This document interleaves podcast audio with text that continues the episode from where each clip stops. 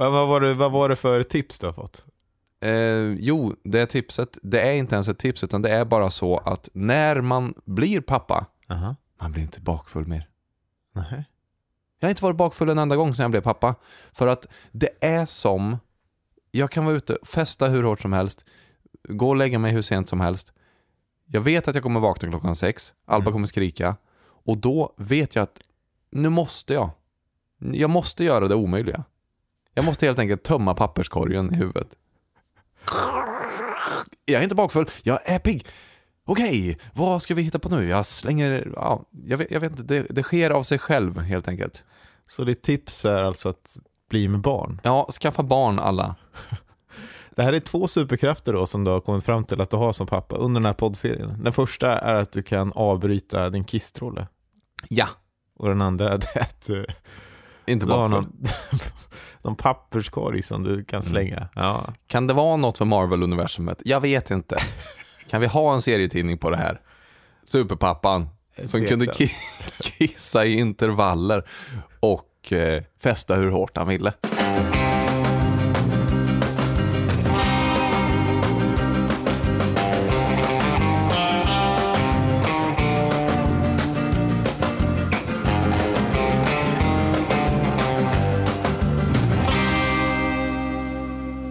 Jag skulle vilja snacka lite grann om en sak som skedde i helgen.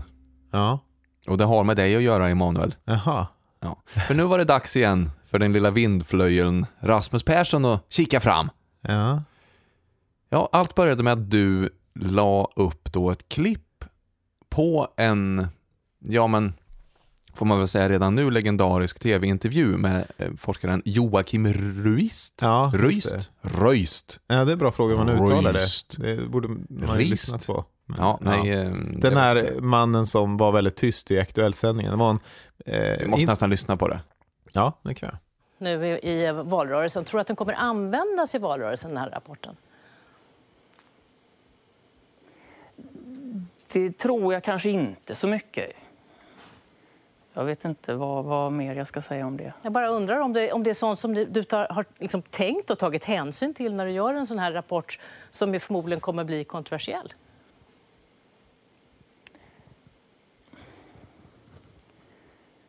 Det...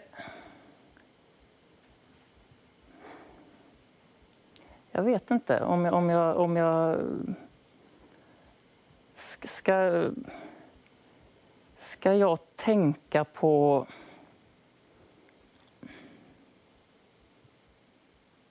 hur den kan komma att användas i valrörelsen. Jag tror att det- om, om, Ja, nej men det är ju, det är ju speciellt. Ja, det är ju, hör ju till också att man ska se eh, hans våndor. Att eh, man ska se hans eh, ansiktsuttryck där han på sätt letar efter eh, en, eh, en reaktion som är appropriate. Mm. Mm. Nej men det var ju drabbande på många sätt. Mm. Eh, Men först när man ser klippet så är det ju mest en, ja men en kuriositet eller nå- något som sticker av lite grann Mm. på tv. Mhm. Men sen strax därpå så publicerar ju han ett eget blogginlägg där han förklarar varför det blev så här då. Just det. Och han beskriver hur SVT pepprade honom med frågor som var dummare och dummare och dummare. Till slut så var han ställd så långt in mot dumhetsväggen så att han inte visste vart han skulle ta vägen lite grann. Mm. Och han funderade på, ska jag gå till attack? Eller ska jag bara acceptera min plats här Ja, i ja, dumheten? Ja. Och det var därför det tog så lång tid för honom, för han hade testa. en inre monolog där. Ja. Ja, jag läste den här bloggen. Jag blev förförd. Mm. Och det är här den här vindflöjeln kommer in. Det är liksom steg ett av min vindflöjel. Ja. För, hänförd alltså. Jag har ingen aning vem Joakim Rust är. Jag vet inte vad han står för. Du vet inte ens vad han uttalar hans efternamn. Nej! Men jag tyckte det var så bra det här. Ja. Så jag skickar det här då eh, i en länk till min pappa och så skriver jag Det här är väldigt, väldigt klokt. jag mår så dåligt över mig själv. För att jag gör det här alltså. Jag vet inte varför jag håller på så här. Nej. Och det här är väldigt, väldigt klokt pappa. Och anledningen till, nu kanske du undrar, varför håller jag på att prata om det här? Varför tar jag Ja. upp det här? Verkligen. Eh, och det handlar ingenting om Joakim Rust, Röist, eh, handlar ingenting om SVT, handlar ingenting om den här texten i paragraf. Faktum är att jag till och med, jag kan inte ens komma ihåg en enda, ett enda argument från den texten. Nej. Jag minns bara att jag blev väldigt hänförd. Jag tar upp det för att jag tror att jag är precis som gemene man i Sverige. Jag tror att du inte är det. Jag tror att de flesta av oss är vindflöjlar Ja. i det här klimatet vi har nu, i det här mm, liksom det är så mycket åsikt och positionering i eh, debattklimatet och i flödet så att man kastas fram och tillbaks. Jag hatar det här! SVT, vad håller ni på med? Fast nej, vänta ett tag. Nej, just det. Uh, uh, nej, uh, ta, jag tar tillbaks det där. Så här tycker jag istället. Utan att man liksom får någon riktig djup kontext. Så är man och det är okej. Det, det tycker jag verkligen. Men det hade inte varit okej om jag hade haft, om jag hade saknat ett moraliskt ankare. Jag kan inte ta mig för långt bort. Förstår du? Mm. Det var det som hände här också när jag började, när jag hörde då om, jaha han forskar på vad det kostar med invandring och, och då kände jag mitt moraliska ankare liksom sjönk djupare och så bara, vänta nu Rasmus, nu, nu, tillbaks till kärnan här. Ja. Du vet ju vad du tycker egentligen. Mm.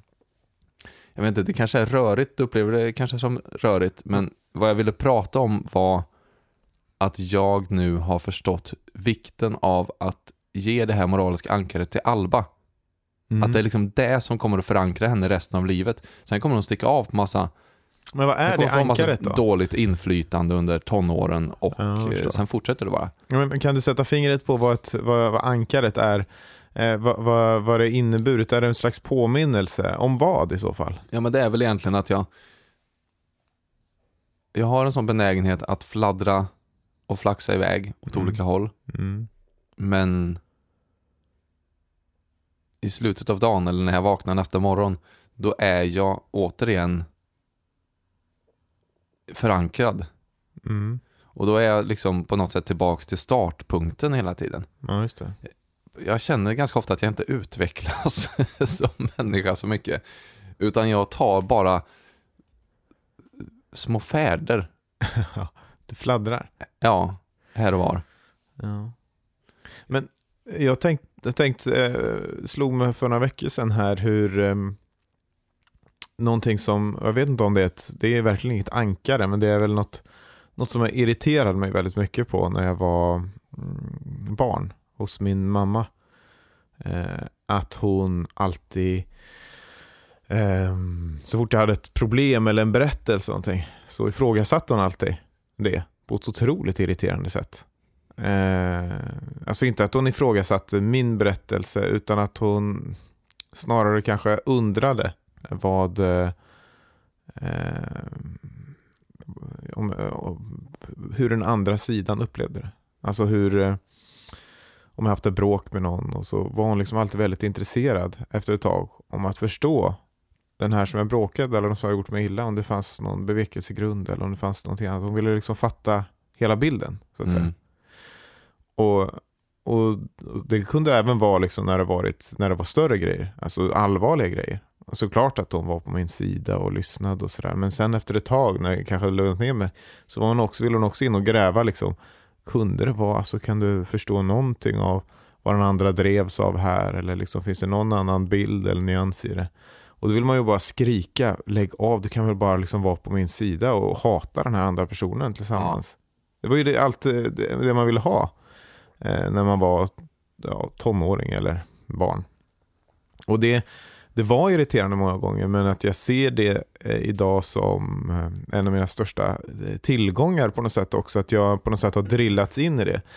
Jag vet inte om man ska kalla det ankar eller om man bara, det, det är bara något, ehm, en tankemodell som har liksom etsats sig in, som har varit väl, väldigt Ja men det är väl ett ankare. Ja men det kanske är ett ankare. Ja, Ja. Det låter som det. Ja, men eh, och då är det ju det att, alltså att, ja men precis, kanske på samma sätt som när som du pratar att du flyger iväg, så när jag flyger iväg, egentligen också kring det här, alltså Mm. de här texterna som du pratar om, som jag Mm. också läste ju. Ehm, så drar jag iväg och så tänker jag, ja men hur kan man förstå den här personen bättre? Vad var det som drev honom att säga de här olika sakerna? Och det tänker jag är viktigt och jag hoppas att kunna hitta en, den balansen ännu bättre än vad min mamma gjorde så att jag inte behöver bli så irriterad. Eller min dotter, mina barn inte behöver bli så irriterade kanske. Men att man hjälper till ju med de här sakerna. Jag, tänk, det- jag tänker att det är det du kanske är ute efter också. Ja, jag hade tänkt fråga dig vilka ankare som du tycker blir viktigast Mm. att förespråka eller att sänka i dina barns inre. Ja men det är verkligen den. Alltså jag tror visst det är bra att ha människor som dunkar en i ryggen och kramar en och hjälper till att på något sätt hata eh, åt andra hållet eller vad man ska säga. Eh, hjälpa till att eh, verkligen eh, stötta det. Men jag tror att man, man, man, bygger en mycket stadigare grund om man eh, också vågar ta in andras perspektiv och man gör en mycket öppnare människa antar jag. Eh, ja, men överhuvudtaget det att försöka förstå världen som någonting oerhört komplext och människor som oerhört komplexa och, och en, en slags grundläggande respekt för det. Det vill man ju ändå Mm. hamra in hos sina Mm. barn, eller? Det är ett Ja men ankare. verkligen. Bra, bra svar. Mm. Jag tror att i mitt fall så handlar det mycket om grupp, grupparbete tror jag. Mhm. Det, det brinner jag för. Det känns som att jag fick det av mina föräldrar som alltid spelade i frigruppsteatrar och så under min uppväxt. Svåra grupper, Mm. en del aviga karaktärer. Mm. Ändå måste det fungera tillsammans. Och när det gör det, när, när allt, när liksom flera människor tillsammans fungerar som en organism, det är ju så magiskt. Mm. Så det är något som jag önskar att jag kunde ge Alba Mm. upplevelsen av. Mm. Att om man tar hand om varann och lyfter de svagare individerna i en grupp och ser till så att enheten fungerar som, som, som en väloljad maskin. Det finns inget eh, det finns nästan inget starkare än det. Mm. Det är som den klyschan om kedja och den svagaste länken. Ja, Det är lite så. Är det man säger? Något om det. så jag antar vi börjar väl här. Med att eh, vi får sätta in dem i någon form av grupp. Eh, Det får bli lite fotbollsträning och sen så mycket att vi pluggar då de här Joakim Röist-texterna. Och ber dem att ha ett kritiskt tänkande.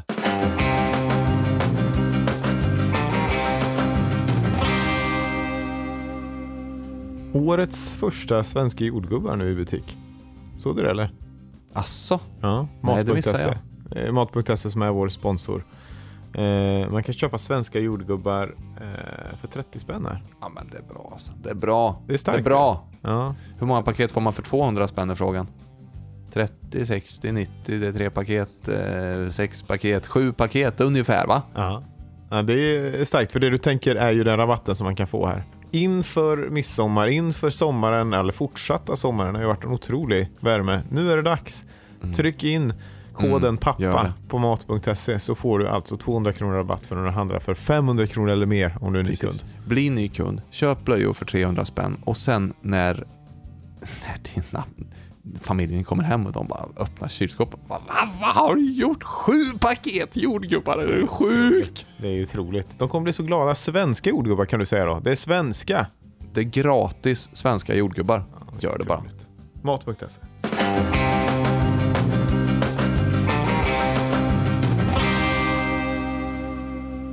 Häromdagen så satt vi i bilen och det var väldigt fint men också ja men lite speciellt att se en helt ny föräldrasida hos dig.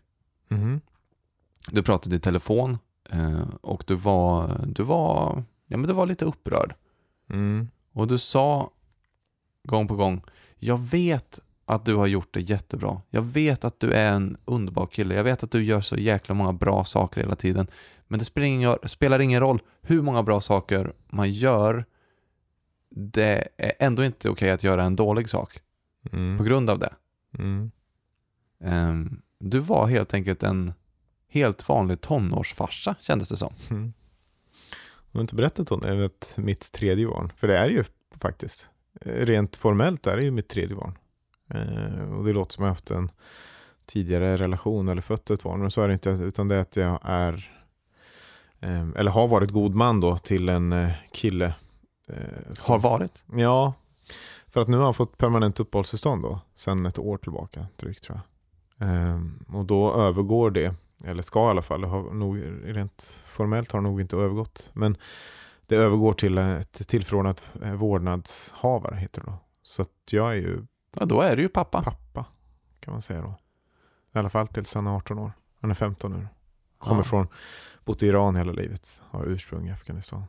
Och bor inte hemma hos oss utan han bor hos en han, ska, han bor i ett boende, eller han ska precis flytta till ett, ett boende här, inte så långt bort från oss. Hur var det för dig att, eh, att bli pappa till en tredje? Jag vet inte, jag tänkte inte så mycket på det. Det här har ju varit, det är tre år eller Mm. något. 2000, ja, två och ett halvt i alla fall. Så det här har ju varit länge nu. Men det är inte så att det här är påtagligt på samma sätt som med mina andra barn. Det finns ju ett helt system runt det här. Med, eh, han har ju bott eh, i ett familjehem. Han har en socialsekreterare. Eh, och de sköter ju de mesta bitarna. Min är ju mer av någon slags vårdnadshavarroll att se till att, att han har det bra. Det finns liksom så många instanser som, som hjälper till. Men det är klart att kriserna hamnar ju alltid hos mig. När det är någonting som slirar eller drar iväg eller något. Inte, alltså det behöver inte vara han som, som krisar. Det kan vara något annat runt omkring honom. Så att säga. Men eh, det känns bra. Jag tror att jag är en väldigt...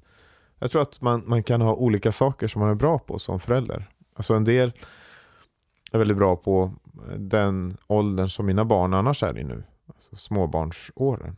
Och där är inte jag, det är inte min styrka alls. Där, behöv, där får jag på något sätt kämpa. Men tonåren, jag kan liksom sympatisera så mycket med tonåring, tonåren. Och jag kan känna igen mig själv så mycket. Alltså den här eh, nakna, ivriga känslan av att förstå allt. Att hitta en logik i allt. Att att man inte vill, liksom man blir frustrerad över en vuxen värld som, som inte hjälper mig förstå. När allt jag vill är att förstå. Och kan också nästan förakta den vuxenvärlden som suckar just då tonåringens nakna och sanna iver att förstå. Och att man viftar bort det med att du är för ung. Eller det här är bara, alltså att man så här ska stå ut med de här åren eh, av känsloutspel hit och dit och så vidare. Eh, för att det finns någonting så rent i det där som är så enkelt att motverka om man bara hjälper dem med en tydlig snitslad logisk bana att vandra ut med. Eh, så det, på något sätt så, så har jag gillat det väldigt mycket. Även om det såklart varit, kunde ha funnits stunder som det varit jobbigt också. Som Mm. det väl är. Men hur är det när man träffar en person som, eh, som har skilts från sin biologiska familj Mm. och ska gå in då med något form av ansvar ändå Mm. och försöka vägleda den här personen in i ett nytt samhälle, helt ny kontext Mm. eh, och säkert med en hel del bagage också. Mm. Hur, hur, hur såg ert första möte ut? Hur, hur såg eh, er liksom... Hur, hur byggde ni förtroende för varandra och så? Ehm. Mm, bra fråga. Jag vet inte riktigt eh, om det skiljer sig mot någonting annat i just relationsbygget av förtroende och så. Man försöker väl vara liksom inkännande och, och visa förståelse och visa att, man, eh, att han kan lita på mig och sådär. Och så försöker man visa sig närvarande. Man syns, eh, hör av sig. Eh, och eh, sen så är det ju vissa definierande eh, situ- situationer som kommer uppstå då. Där det avgörs om jag är värd att lita på eller inte. Och vi har haft flera sådana där det har känts väldigt bra från oss från båda sidor. Där vi byggt upp ett väldigt starkt förtroende och så. Men, men jag ska verkligen inte ta åt mig eh, kredden för, han, för hans integration, alltså en, ensamt i, i Sverige. Utan det är ett helt nätverk som sagt kring honom här. Men, ehm, men det är ju fascinerande. Han kom hit som 12 han skulle fylla 13. Och eh, eh, lämnade sin mamma och sina bröder i Iran. Och hade heller ingen kontakt med dem förrän ja, för ett år sedan. Då. På, fler, ja, på två år. Shit vad tufft alltså. Ja, Tänk att gå från 12 då till, ja, han är utan att ha kontakt, utan att veta om de lever, utan, och utan att de vet att han lever. Heller. Är helt eh, ogreppbart såklart. Ja, och då är det något som, det, alltså det är ju en ryggsäck som han bär Ja, på precis. varje sekund. Mm. Och sen så möter man honom i en situation på stan eller på eh, fotbollsplan eller vart det än må vara. Ja. Och den syns ju inte den ryggsäcken. Nej, Men man Precis. behöver ju se den för att kunna eh, precis. förstå. Ja, hela hans person. Men det, det är också så himla starkt. Man kan ju tänka hur det är för vilken tonåring som helst med alla de eh, problem och identitetslöshet som man har. Eller identitetssökande som man har som tonåring. Med, eh, ja, men han var på balen här i nian igår.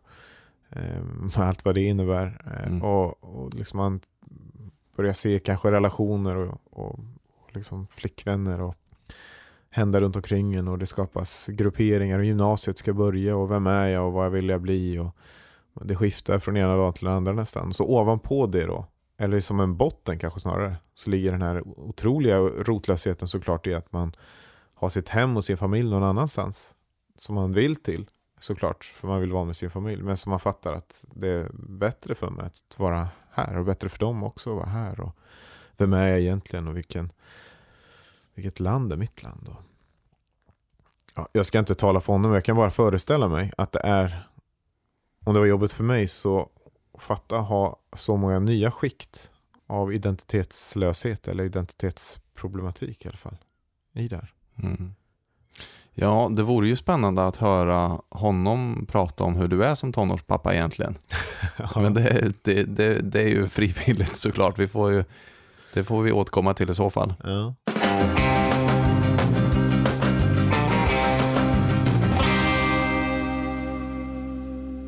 Jag är ju väldigt förtjust i att hitta tankemodeller. Mm.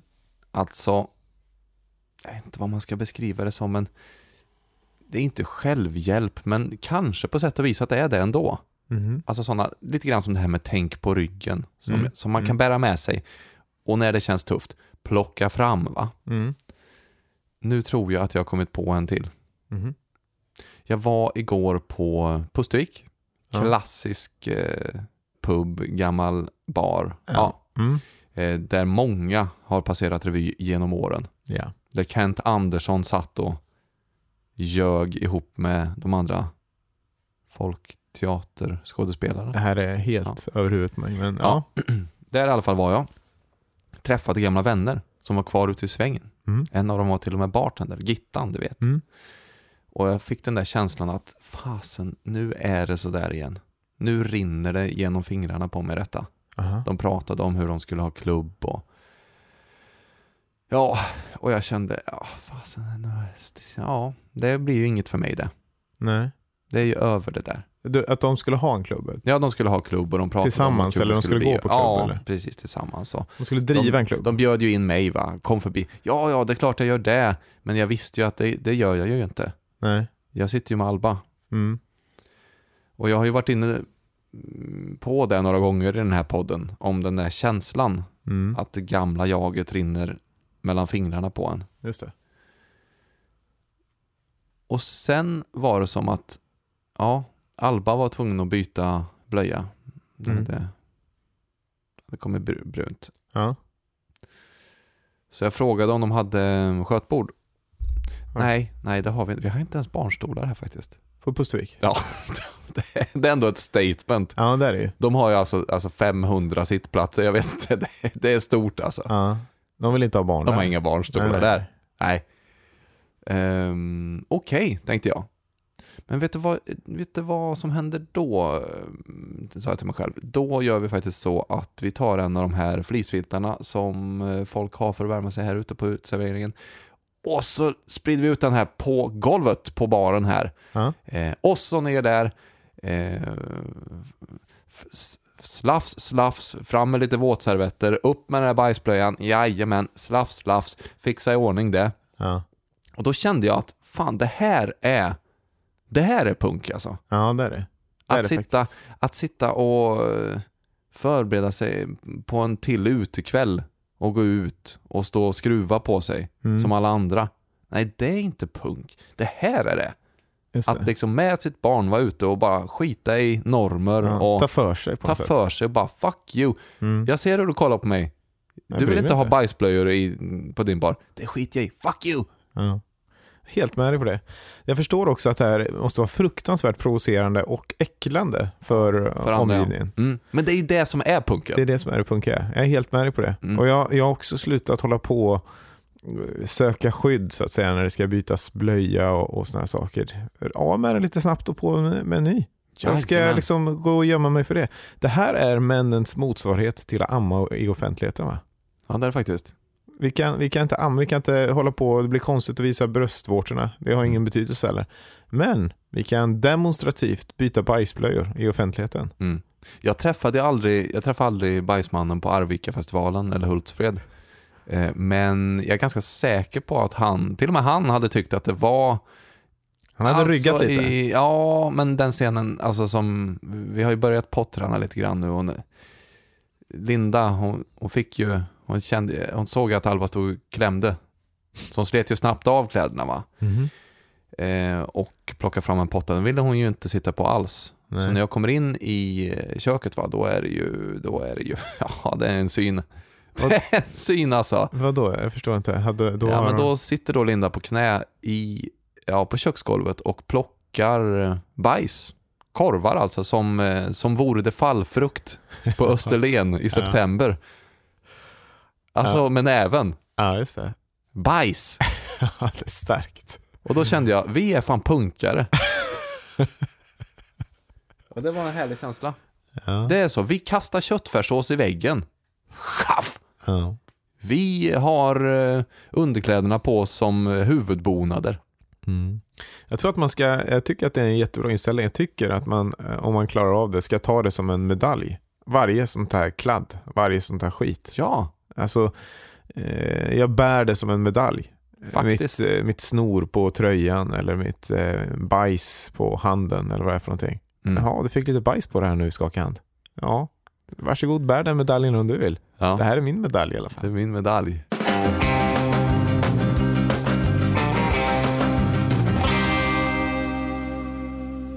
Det har varit mycket prat fram och tillbaks. Ska vi fortsätta? Ska vi inte fortsätta? Förra veckan berättade vi ju att Mm. vi gör en grej i sommar. Mm. Vi kallar det Sommarpappor. Precis.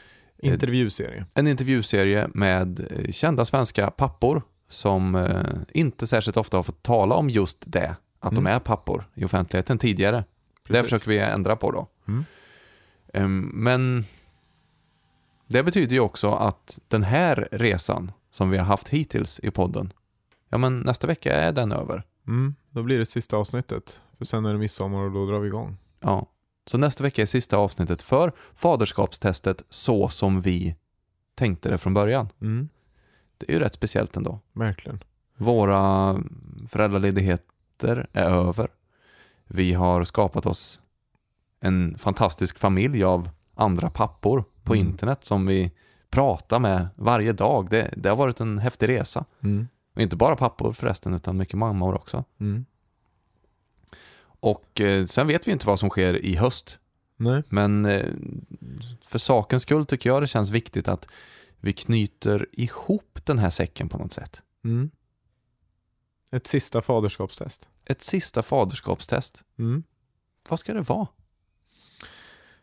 Ja, men, eh, det är väl fint om det är någonting som kapslar in just... ehm, Vad gjorde man när man gjorde tidskapslar? eh, Man skrev brev va? Just det. Alltså att man skrev, Just tanken är då att man gräver ner en tidskapsel på skolgården det. Mm. i det. högstadiet. Och så skriver man ett brev till sig själv om Till 20 år. framtiden. Mm. Eh, då tidskapseln ska grävas upp och man ska få läsa. Så vi skriver ett brev alltså då till, till våra barn. Det får man väl tänka sig att det här ändå är en Vad är det vi tidskapsel gör för då? dem. Alltså? Tidskapsel om vad? Om våra känslor nu kring faderskap eller? Ja. Kanske vore det bra om vi skrev ett brev om vad, vilka vi hoppas bli. Ja. Förstår du? Vilka vi hoppas. För om 15 år så, eller 20 år kanske vi ska säga, då har vi ju facit. Mm. Då vet våra barn vilka föräldrar vi var. Mm. De vet hur bra eller dåliga, eller alla våra styrkor och brister som pappor helt enkelt. Ja. Så då kan det vara intressant för dem, tänker jag, att höra ett brev om Vad vi hade velat vara. vad vi hade velat vara, ja. Oj. Mm. Ska vi säga så? Mm. Ja, men då gör vi Ja, det. visst, absolut. Ja, Sista faderskapstestet. Tanken här. Ja. Spännande, men då är Mm. det sista, precis, det sista vanliga i den här formen. Får vi se om detta återuppstår. Vi innoverar oss själva eh, ständigt. Nej, det gör vi inte. Men vi har gjort det en gång nu eftersom att vi har intervjuserie. Så får vi se om vi fortsätter innovera efter den här intervjuserien som vi har i sommar som heter Sommarpappor. Just precis. Häng med oss då.